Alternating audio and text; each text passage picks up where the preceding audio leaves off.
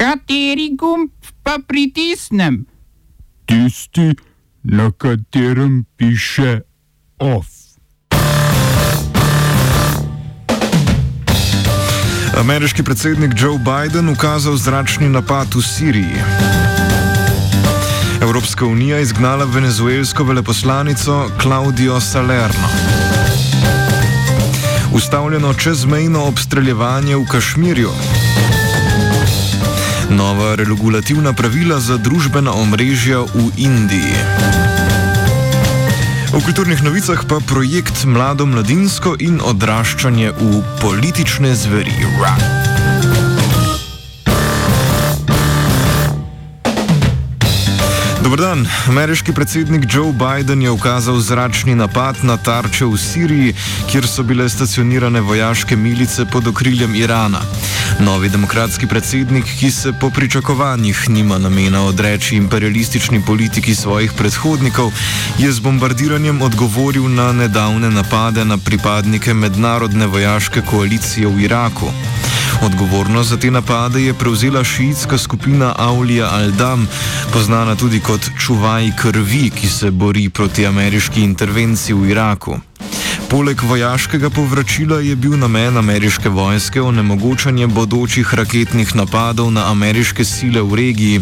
Vojaki so s 500 kg bombami zadeli sedem ciljev in uničili več objektov na mejni kontrolni točki, po dosedanjih poročanjih pa so ubili 17 ljudi.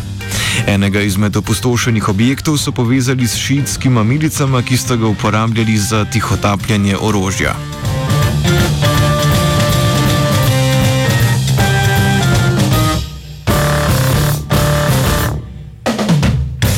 Prvi vojaški podvig novega ameriškega predsednika je spremljala odločitev senatne parlamentarke Elizabeth McDonald, da predlog za zvišanje minimalne plače ne more biti vključen v 1,5 milijarde evrov vreden stimulacijski zakon za okrevanje po epidemiji.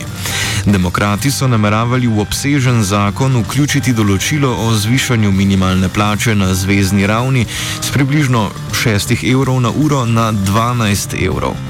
To naj bi bilo sporno, ker se bo omenjen zakon sprejemal po posebnem postopku, ki zahteva manj glasov podpore, zato ga lahko demokrati v senatu sprejmejo brez pomoči republikancev. Sicer ni nujno, da demokrati podano mnenje upoštevajo, vendar želja po višji minimalni plači, ki bi v roku petih let postopoma dosegla 12 evrov, niti na demokratski strani ni pretirano močna. Biden, ki promovira enotnost, se ne želi pretirano zameriti republikanskim kolegom, opevana barvna in raznolika politika demokratov očitno vključuje nadaljevanje napadov na tuje države in zanemarjanje delavcev doma.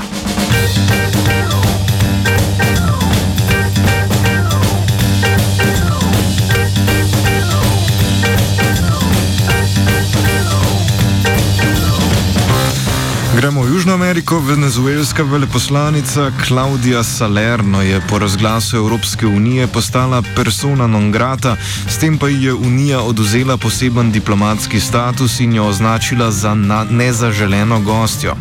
Poteza je bila odgovor na včerajšnjo odločitev venezuelske vlade, da izžene Izabel Briljante Pedrosa, vodjo diplomatske delegacije Evropske unije v Venezueli.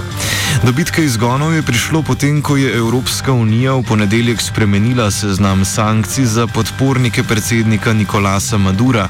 S tem naj bi se po robu postavila 19 visokim funkcionarjem oziroma skupno 55 predstavnikom režima v Venezueli, ki po mnenju evropskih pravičnikov neposredno škodijo demokraciji in vladavini prava.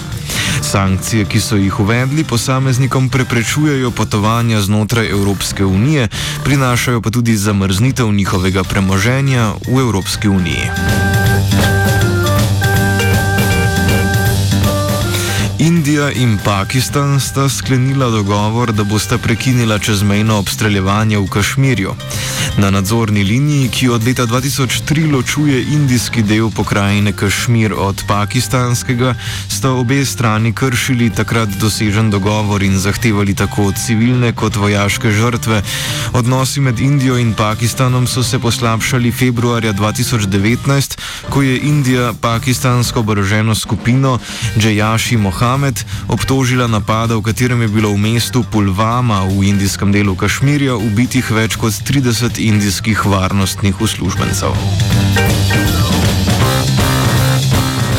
Delovanje družbenih omrežij v Indiji pa urejajo nova regulativna pravila, ki od podjetij zahtevajo, da razkrijejo vir lažnih tvitev in sporočil ter jih odstranijo z omrežji. Spremembe so se zgodile zaradi burnih spopadov med policijo in protestniki v času kmečkih protestov.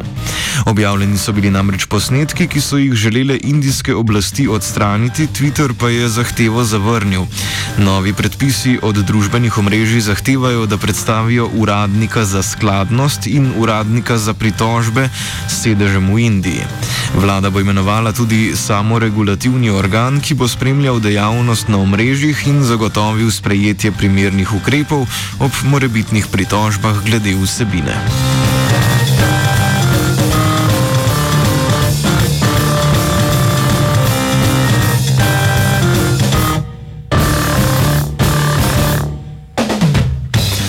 Somalijska opozicija je zaradi želje po mirnih demonstracijah preložila za danes napovedane proteste, ki so bili načrtovani zaradi nepravilnosti pri predsedniških volitvah. Prejšnji petek so se namreč čete vojakov spopadle s podporniki opozicije, kar se je končalo s tremi smrtnimi žrtvami. Poslanci naj bi novega predsednika izbrali 8. februarja, a se je postopek zavlekel, potem ko je opozicija pod vodstvom predsednika liberalne stranke Mohameda Abdullahija Mohameda, ki si želi drugi mandat, obtožila, da je regionalne in državne volilne odbore polnil s svojimi pristaši. Znanstvena redakcija sporoča: Proizvajalci cepiv podirajo rekorde. Lani v tem času je bilo zaporedje nukleinskih kislin koronavirusa že določeno. Podjetje Moderna je tako v zgolj 41 dneh pripravilo mRNK cepivo za prvo klinično raziskavo. Tokrat so prohiteli s pripravo novega cepiva. V Južni Afriki so namreč odkrili različico B1351, proti kateri naj njihovo mRNK cepivo ne bi bi bilo tako učinkovito. Kljub temu je iz analiz celičnega imunskega odziva jasno, da tudi mRNK cepiva v uporabi neutralizirajo novo različico virusa. Pri pripravi posebej prilagojenega cepiva je raziskovalna skupina od znane sekvence do priprave na klinično raziskavo potrebovala 30 dni.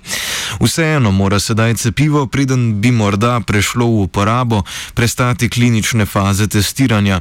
Tudi Pfizer, modern modernim glavnim konkurent na področju razvoja cepiva proti COVID-19, je v teh dneh že sprožil postopke za klinične raziskave cepiva, prilagojenega na različico, ki so jo prvič odkrili v Južni Afriki.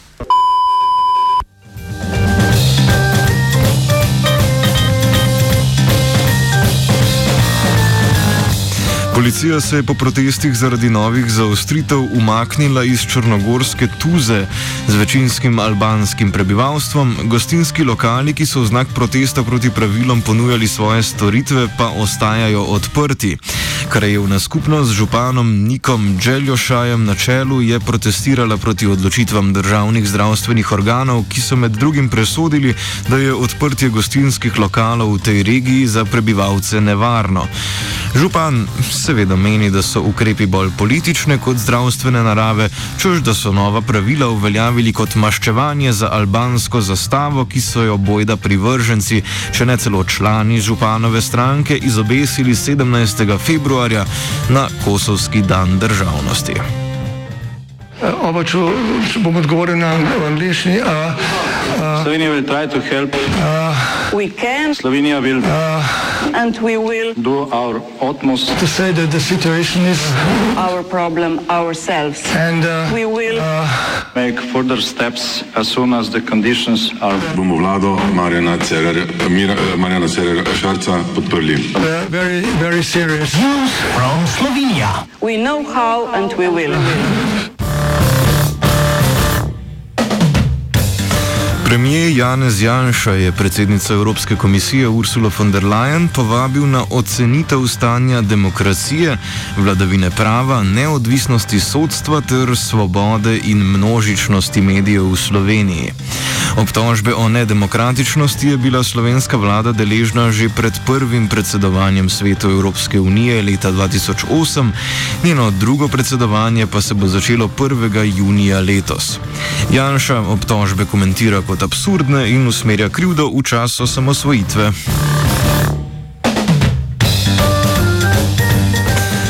Na današnji dan, leta 1992, je Ministrstvo za notranje zadeve iz registra stalnih prebivalcev nezakonito izbrisalo 25.671 državljank in državljanov drugih republik nekdanje Republike Jugoslavije s stalnim naslovom v Sloveniji.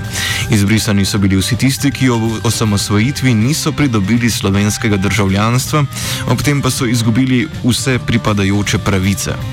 Leta 2010 je Evropsko sodišče za človekove pravice ugotovilo, da je Slovenija z izbrisom kršila dva člena Evropske konvencije o človekovih pravicah.